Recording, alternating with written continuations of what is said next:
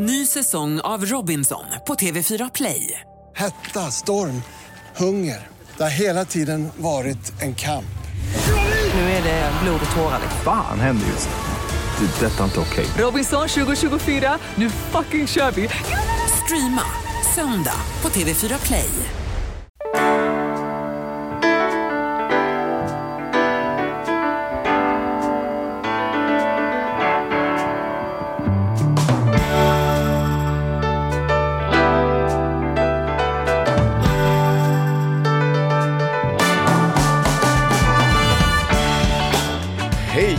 Hjärtligt välkomna till Ekonomi på riktigt med Charlie och Mattias.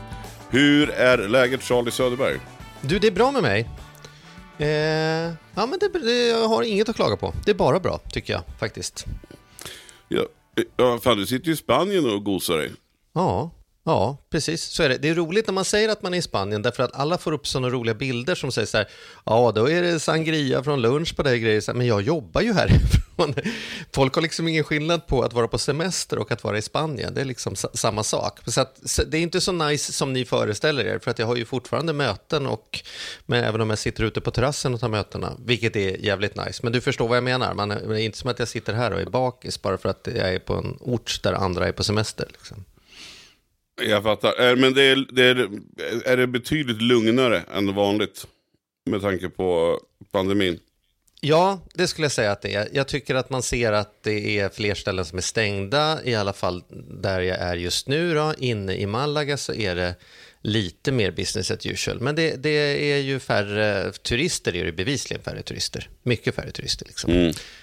Så att eh, alla ställen är inte öppna och sådär. Sen är det den här munskyddsgrejen då. Det här är det ju munskydd precis överallt hela tiden, förutom när man tränar och när man sitter ner på restaurang. Och det måste man säga då som glasögonbärare, det är lite klurigt i värmen med munskydd därför att när jag andas in i munskyddet så trycker ångan upp under glasögonen och så ser man fan knappt var man går någonstans. Liksom. Men det, ja, ja, ja, det är ju i serien lyxproblem kan man väl säga. Det, Då behöver du ju inte ens dricka en sangria för att, för att bli lite dimmig Nej, ord. precis. Det, går, det löser sig automatiskt.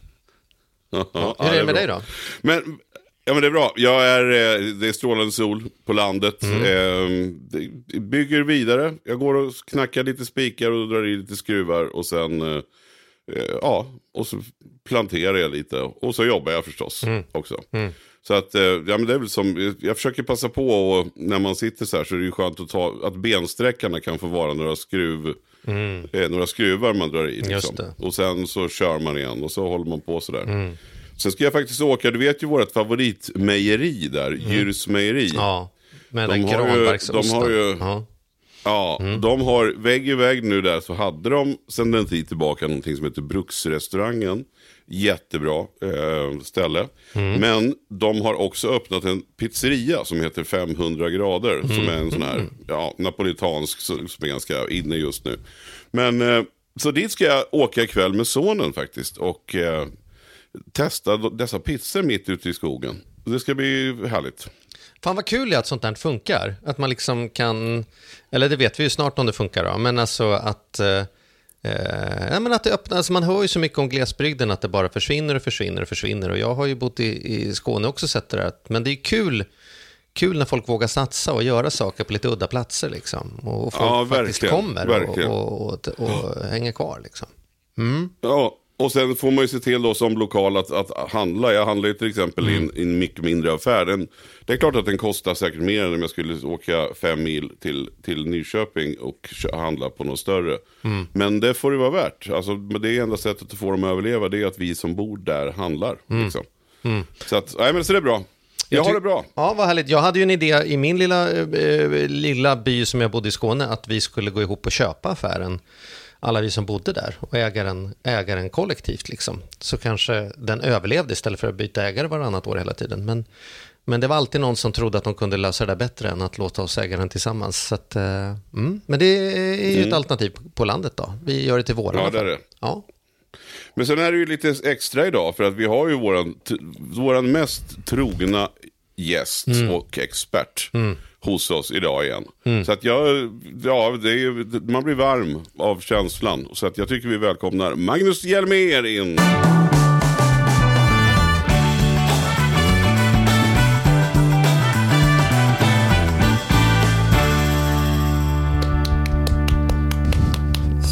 Tjenare, tjenare. Hur är det med dig Magnus? Du bor ju ganska centralt ändå, men är det, har du någon sån här handla lokalt kontra handla billigt? Är det någon analys när du googlar cykelbyxor, vilka som är i Gävletrakten och vilka som är i Karesuando? ja, det, det intressanta är faktiskt, på tal om, om det här med lokalt och inte, eh, där vi bodde tidigare, där fanns det ju en liten, eh, en liten Coop-butik. Eh, där hade vi ändå principen att vi, vi handlade lokalt för att, för att vi ville gärna att den skulle finnas kvar. Det är ju den här enkelheten att kunna gå och köpa en liten mjölk eh, eller det som saknas eller barnen kan cykla iväg och köpa en glass. Mm. Så det här att, att stötta lokalt men eh, liksom överlag med tanke på att jag ändå utger mig för att vara kanske en av Sveriges största prisjägare så, så, så svider det både i plånboken och, och hjärtat och, och handla dyrt. Så är det. Mm.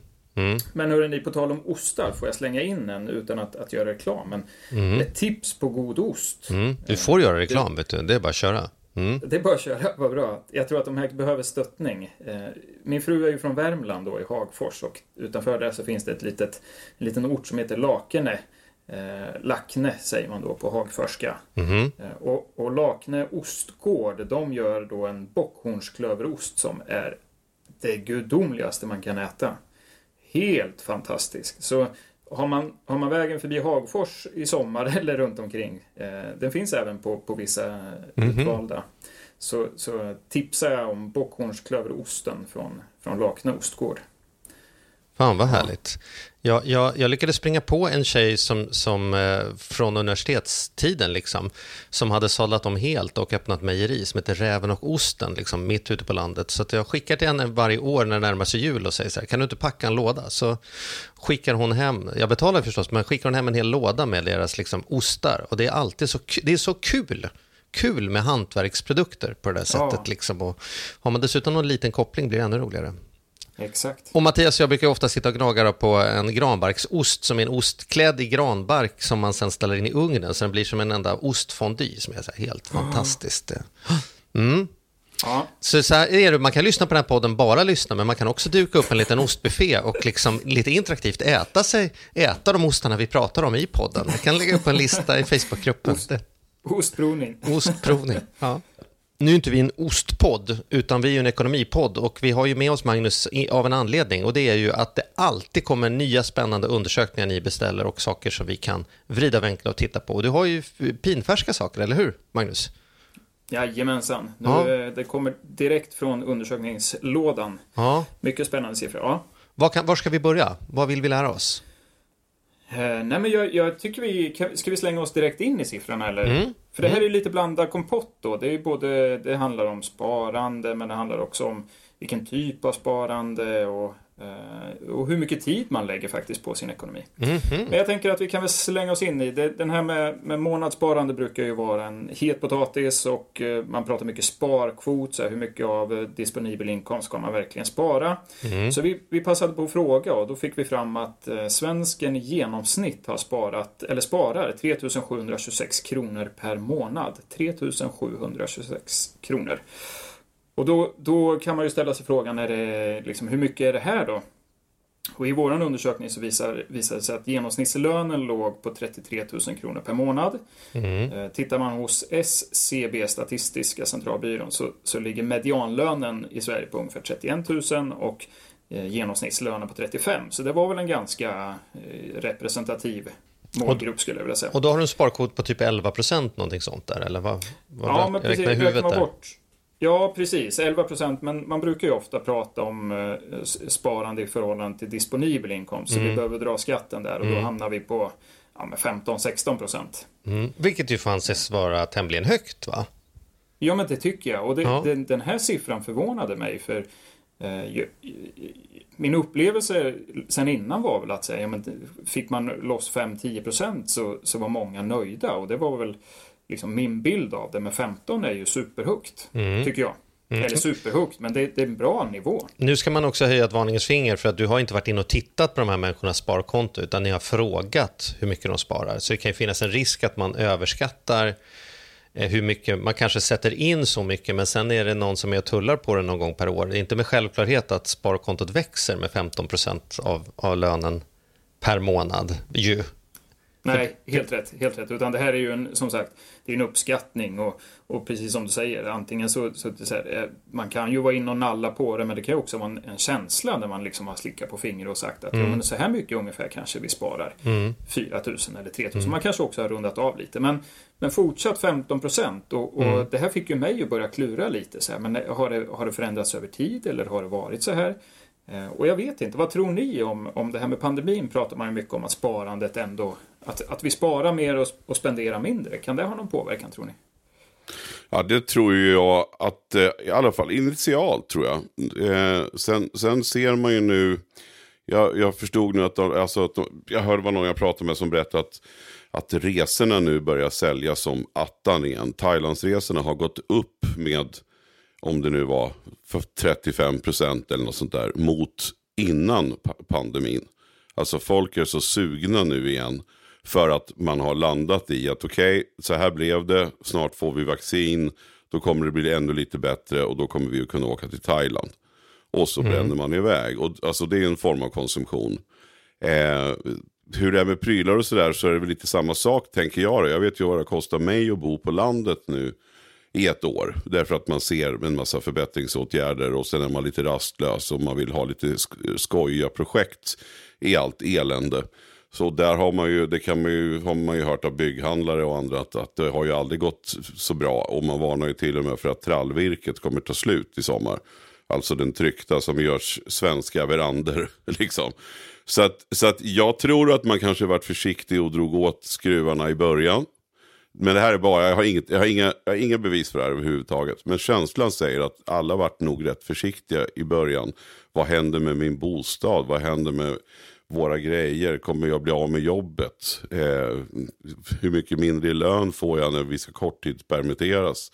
Då tror jag nog många faktiskt så här. Men, men nu känns det som att, att, att det är ju egentligen som jävligast just nu. Egentligen i samhället så är det ju, är det ju katastrof på sjukhusen och, och, runt överallt. Men, men jag tror ändå att alla känner så här att nu är det snart, nu är det nära. Jag vart inte av med huset, jag vart inte av med jobbet. Och jag törstar efter Thailand. Och så brän, börjar man bränna på. Vad säger du Charlie? Nej, men jag, det, det, ligger inte långt borta om vi ska sitta och killgissa och tänka att när man är orolig över vart samhället är på väg så ökar man sitt sparande. Det finns det ju till och med belägg för. Och när man mm. inte är lika orolig så minskar man sitt, sitt, sparande. Och det blir väl kortare och kortare cykler på det. Man är orolig liksom mer baserat på kvällstidningsrubriker än vad man är baserat på faktiskt fakta. Så jag tror att, att det blir så. Man håller igen när man är lite orolig för hur det ska gå och sen så när det släpper så brukar det liksom rulla iväg åt andra hållet och tänka så här, men nu får vi ju fan bygga den där verandan eller nu, nu har vi suttit hemma så länge så nu får vi ta undan de här sakerna. Men, men eh, sen är det väl också frågan om det är olika typer av sparande också. Eller så pratar vi om buffertsparande eller pratar vi om liksom pensionssparande? Alltså det, det, det är ju olika sparhorisonter på det. Amorterar folk i större utsträckning istället för att spara med tanke på någon typ av ränteoro och så vidare. Så det, det, är ju många saker det där. Amortering räknas väl inte in i sparkvoten där, Magnus? Va? Eller? Nej, nej, precis. Det är lite konstigt tycker jag. Det tycker jag är konstigt, därför att att amortera eller spara är ju mina, liksom rent matematiskt är det exakt samma sak. Det ökar ju mm, det egna mm. kapitalet mm. precis lika mycket och gör ekonomin precis lika mycket tryggare då, kan man ju säga. Även om det rent praktiskt kan vara lite klurigt att gå till banken och låna tillbaka de där pengarna som man amorterat så, så, så, är, så är det klart att, men, men rent matematiskt så är det ju samma sak egentligen om jag sparar eller om jag amorterar. Visst är det så. Det, det som jag tycker är intressant på, på tal om att vi kanske är på väg ur eller att vi börjar se det känns som att vi har varit inne i flera perioder när det har varit så här, nu vänder det och sen har man mm. liksom börjat konsumera mer och man börjar sett lite mer positivt. Eh, det, det, liksom skillnaden nu tycker jag är att vi ser ännu tydligare från politiker. Det var inte länge sedan Magdalena Andersson var ute här och de har skruvat upp prognoserna för, för tillväxten och det brukar ju vara liksom ett tecken på att dels att de vill hålla den här positiva tonen politiker, eh, men också för att ge lite hopp och, hopp och tro till svenska folket, men också att man faktiskt räknar med att, att eh, tillväxten kommer igång här under, under sista kvartalet in under året här. Man har skruvat upp siffrorna. Mm. Men det här, och, och, också som Mattias sa, att man ser att resor, folk börjar ta lite mer risk med sina pengar. Det är inte bara trallvirket, även om de trall, trallpriserna har ju, eller virkespriserna har ju skjutit i höjden något, något absurt här. Så vill vi fortsätta att se fortsatt eh, liksom konsumtion på hemmaplan kanske mm. snarare än, mm. än, i butiker fortsatt då. Men, men, man märker ju, det... jag kommer ihåg att jag var, jag var riktigt orolig efter, jag tror det var ganska exakt ett år sedan när börsen rasade hejdlöst och, och man undrar ju då med bostadspriserna. Men sen visade det sig att det, det planar ut ganska fort och bostadspriserna bara, det bara fortsatte liksom ändå. Mm. Ja. Och för där var jag, för, i och med att jag var i ett läge att jag skulle sälja min lägenhet och köpa då i, i höstas så var man ju liksom väldigt orolig. Liksom så här, hur, ska det, hur ska, kommer det bli? Ska vi vänta med att sälja eller mm. hur ska vi göra? Mm. Eh, men men det, det såg man ju ingenting av. Och där är ju mm. priserna fullt överhettade i vanlig ordning i Stockholms mm. innerstad. Mm. Och även i andra, ja. andra större städer. Liksom. Så att, så att eh, ja, det, är, det, är, ja, det är intressant. En, en, en uh, siffra att addera till det här det är ju också att, att uh, fler än en av tio, det vill säga 12 procent, uh, har svarat i vår undersökning att man inte sparar någonting på månadsbasis. Mm. Det här kan jag tycka, det är, alltså 10 procent, det är rätt mycket som, som känner att man inte har, antingen har pengar över eller inte vet hur man ska, ska spara. Men det är rätt många och just med tanke på att många experter pratar om det här vikten med buffertsparande för att kunna liksom ge någon form av ekonomisk trygghet.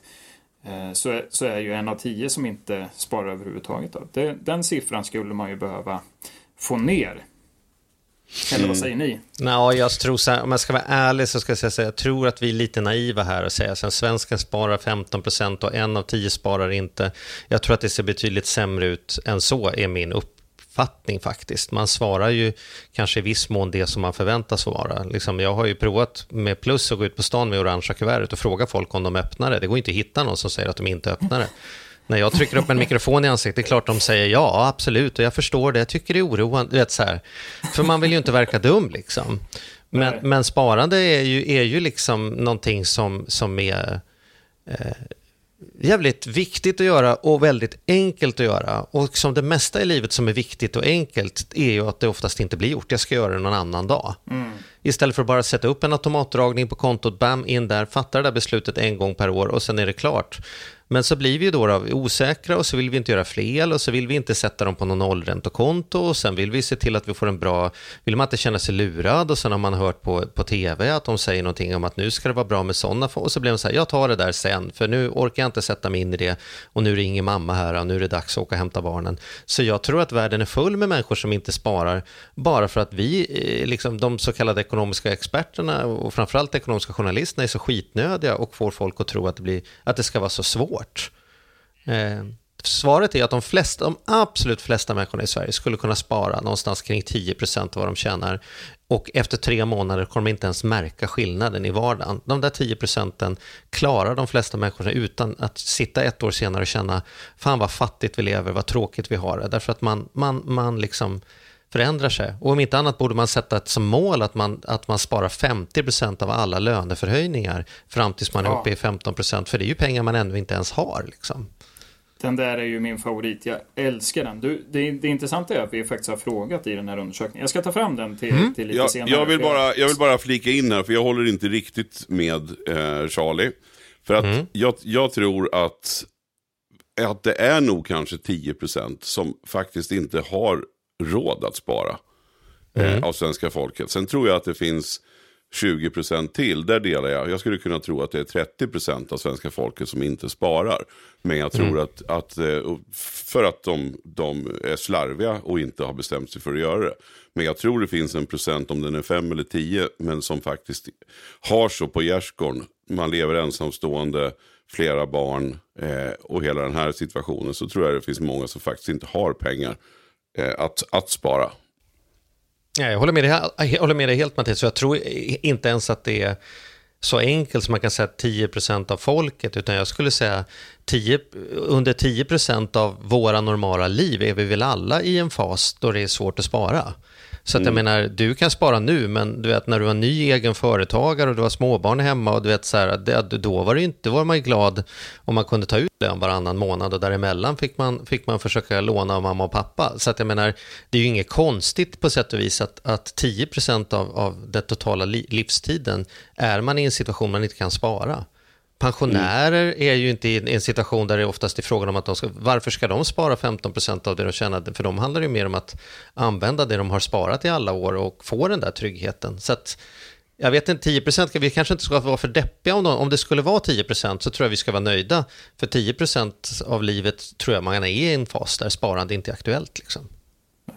Sen, sen tror jag till syvende och sist att alla kan nog göra någon typ av förändring. Jag förstår, så här, eh, står man på ruinens brant, att det är jätte, jättesvårt. Men jag tror många gånger också att, att det faktiskt går att göra en förändring där man där man får till åtminstone ett par hundralappar. För jag, jag tror att beteendet att spara är det viktiga att komma åt.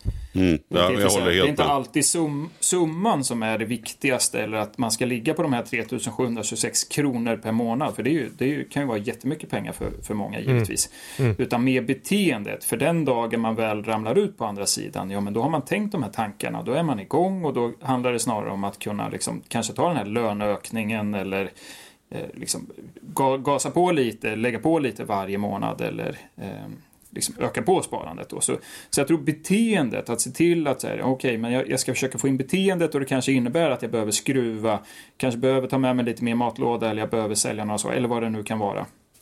Men att komma igång och göra den här förändringen. Ja, men jag håller helt med. Absolut. Och det blir, det blir en morot i sig och man kan också följa det kontot och se, även om det är en hundralapp så, så händer ja. det grejer. Eh, så att, det, där, jag, där, där håller jag helt med dig. Ja, jag vill bara ge ett, ett färskt exempel från en kollega som har upptäckt eh, fondsparande. Han har varit en nitisk fond, eller eh, nitisk sparkontosparare så att säga, med 0% ränta. Mm. I stort sett. Och nu har han varit in på börsen de senaste, ja men säg två åren. Och eh, han är ju helt eld och lågor. För han, det, precis den här som du pratar om Mattias, förändringen, att se förändringen. Det är just det som har hänt hos honom. Tidigare så såg han att sparande kanske växte med några hundralappar per år och nu, nu säger han att jag får ju liksom samma, samma avkastning är ju inte hundralappar utan tusenlappar. Eh, och liksom glädjen i att faktiskt se att det här händer och att, att det, det kan, man kanske inte är i behov av pengarna i sig men att, att se förändringen och se och kanske att det ger en större ekonomisk trygghet eller vad det än kan vara som man nu eller att man faktiskt får köpa den där cykeln som man har sparat extra mycket till. Mm. Men eh, jag, jag, jag, tror mycket på det här att vikten av att se, eh, se att det faktiskt funkar och att det sker. Du tog fram en siffra här. Närmare 6 av 10 gjorde ingen förändring i sin privatekonomi i samband med att inkomsten ökade senaste gången. Mm. Så det är alltså det är 56 procent konsumerar upp dem kan man säga. Man, man ökar inte på sparandet eller liksom stärker sin ekonomiska Eh, position utan man, jag menar man skulle ju kunna amortera den pengen precis som du var inne på förut mm. Charlie. Att, mm. Eh, man kanske, om man inte sparar så se till att extra amortera då för att mm. öka motståndskraften. Mm. Mm.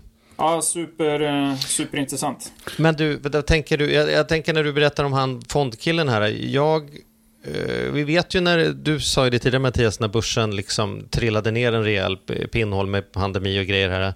Hur många var det inte som slutade sätta in då på mm. det där mm. kontot. Alltså trots att vi satt i den här podden och i alla andra eh, sammanhang och säger ta det lugnt, sitt still i båten, förutom några hetsiga ekonomijournalister som förstås skulle göra rubriker på här är förlorarna och det här ska man göra och grejer. Men alla riktiga experter var ju överens om sitt still, sitt still, sitt still. Gör det du alltid har gjort, fortsätt gör det, kommer att komma tillbaka och då kommer du komma tillbaka med råge.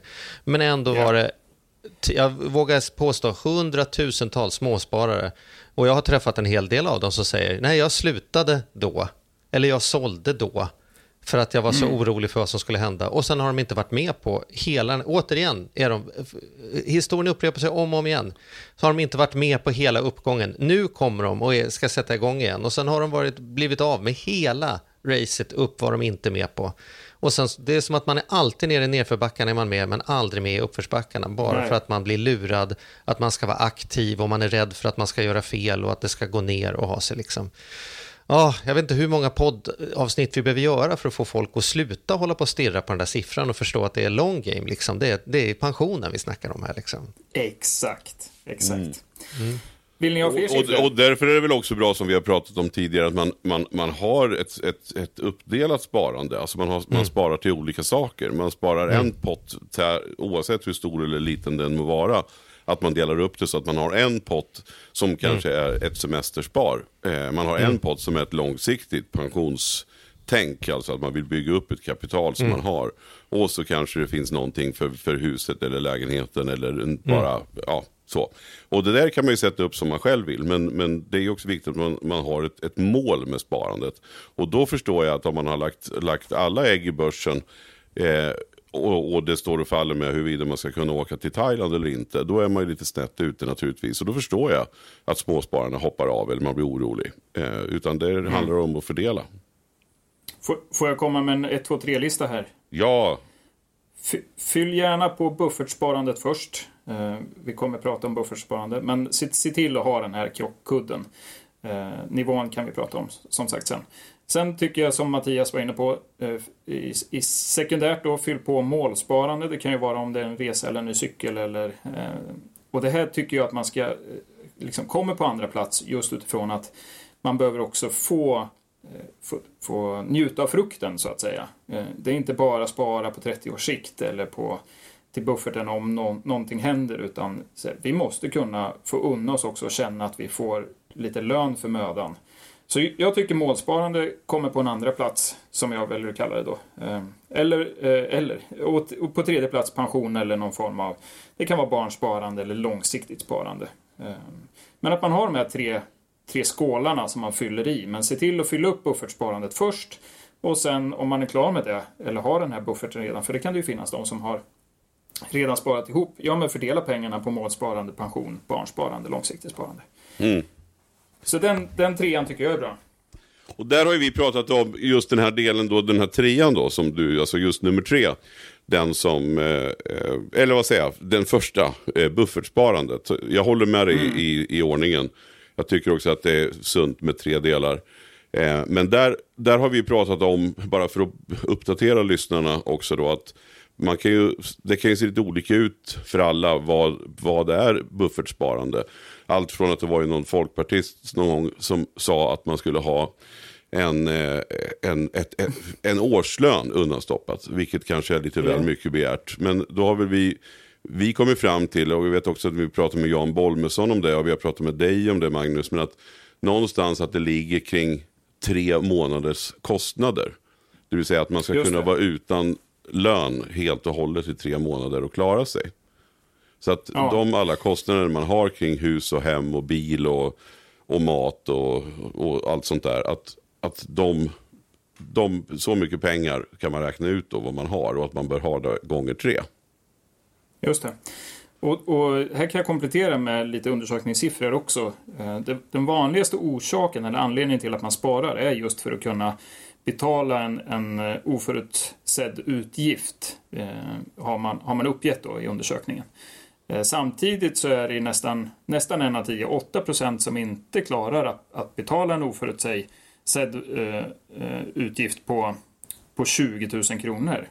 Så där bör man ju se, ska det vara två, tre månadsutgifter så är det säkert mer än 20 000 sammanlagt. Då. Så, så det vi kan konstatera är att svenskarna inte riktigt är där. Man kanske sparar eller man vill spara till den här bufferten men att man inte man har inte liksom nått dit än utan man jobbar på att fylla på den. Då. Och var ska man stoppa de pengarna då tycker du? Man vill ju ändå att de ska vara relativt, relativt säkra. Men, Ja. men det är ju sällan man... En buffert är ju verkligen en buffert och, det, och så illa ska det ju... Det ska ju mycket till för att man inte ska få in någonting under tre månader till exempel utan att man kan göra några andra åtgärder. Så var, var, Nej. var skulle du stoppa dem? Ja, men jag, jag, jag tycker att primärt så ska de ju ligga lättillgängliga. Jag får ofta frågan så här, men kan jag lägga dem på ett sparkonto med ränta? Men många gånger så är ju de, de kontona är ju eh, ofta förknippade med att man låser pengarna och det är ju inte bra om man ska, om det liksom händer någonting här, om kylen går sönder eller jag kanske blir av med jobbet eller då behöver jag få loss de pengarna. Så jag, jag tycker inte med, på något på något låst konto men, men på ett tryggt konto, sparkonto. Sen tycker jag för att utmana sig själv lite i den här frågan, för det är ju ändå så som du säger Mattias, att det är ju, det är ju inte så superofta det händer saker.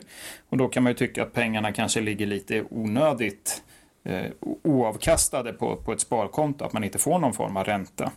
Och där kan jag tycka då, för den som kanske vill ta lite mer risk, så, så kan man ju ta en del av de här och kanske eh, sprida ut på någon, någon tryggare fondsparande, exempelvis någon global aktiefond. Men men där ska vi ju veta, hade man suttit här i, i mars, blivit av med jobbet och börsen var ner 30 ja men då är det inte superroligt att, att, att behöva sälja av de där pengarna och se att de faktiskt har minskat i värde. Så vill, söker man tryggheten, ja men ta sparkontot. Vill man ta lite risk, ja men ta en del av de här pengarna då. Mm. Kanske en månadslön av tre och, och, placera på någon trygg fond om man vill se att de växer. Ja men det skulle ju vara en, en, en global aktieindexfond helt enkelt. Ja, Precis, det mm. tycker jag. Eh, då har vi en, en, bred riskspridning. För det är också så, många kan ju tycka att ja, men en räntefond kanske kunde vara aktuellt då. Ja, eventuellt de, de som kallas för långa räntefonder som har genererat lite, lite ränta, men de korta har ju faktiskt inte genererat i stort sett någonting. Så, så räntefonder får man väl vara lite noggrannare med om man ska välja. Mm, det är bra. Mm. Ja, Eh, och på, och på, tal om det så kan vi väl också konstatera att, att just på, eh, på tal om sparformer ska vi säga, så kan vi se att eh, just aktiefonden är ju den som är den vanligaste sparformen. Och det här var ju också något som förvånade mig lite. Även om sparkonto utan ränta var ju näst, näst på tur då, så 45% sparar i aktiefonder och 44 på, på en sparkonto utan ränta. Men det är ändå kul att se att det är så många som, som har klivit in liksom på fondmarknaden. Det är ju jätte, det ja. var ju verkligen positivt. Ja men eller hur, och jag, och jag tänker så här, visst det, det, kan väl kan vara tecken på att man inte har fyllt, fyllt upp eh, den här buffertsparande som vi pratade om tidigare och att man kanske väljer att, att lägga dem på, på mer långsiktigt sparande eh, med tanke på att man väljer aktiefonder. Eh, men å andra sidan så är ju sparkonto utan ränta, vilket då förhoppningsvis är någon form av buffertsparande ändå kommer på andra plats. Men, men jag tycker att det är bra att, att svenskarna ändå är ganska riskbenägna med långsiktigt. Vi får förutsätta att det här är långsiktigt sparande, eller hoppas att det är det i varje fall. Mm. Eh, men att ändå 45 procent. Och här tror jag att det har hänt mycket bara de senaste åren. Att, att man har fått upp ögonen för, för börsens utveckling. Eh, som ändå sen kan vi säga finanskrisen har ju varit extremt gynnsam. Eh, och det här tror jag ändå börjar sätta sig nu att, att eh, aktie och fondsparande är någonting som man ska sikta på med, med långsiktiga pengar. Sen vet jag ju sedan tidigare att svenskarna är ju ett av de mest eh, aktiesparande folket i, i världen. Så, så vi är väl ändå bra i klassen, får vi säga. Mm. Mm. Hörni mina herrar, här får vi pausa. Det är ju så många spännande siffror och så mycket att prata om så att våran poddtid är slut. Men eh, misströsta inte, vare sig ni eller lyssnarna. Vi eh, fortsätter spela in och sen så sänder vi det nästa vecka istället. Så det blir en, del två av det här programmet. Så att, eh, och lyssnar i efterhand, då är det enkelt för då kommer den precis nu. Det, det, det är nästa. Det är nästa på ja. listan.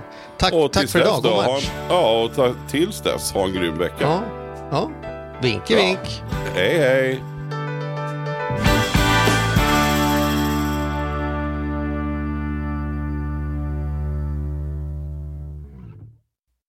Ny säsong av Robinson på TV4 Play. Hetta, storm, hunger. Det har hela tiden varit en kamp. Nu är det blod och tårar. Fan händer just det. det detta är inte okej. Okay. Robinson 2024, nu fucking kör vi. Streama söndag på TV4 Play.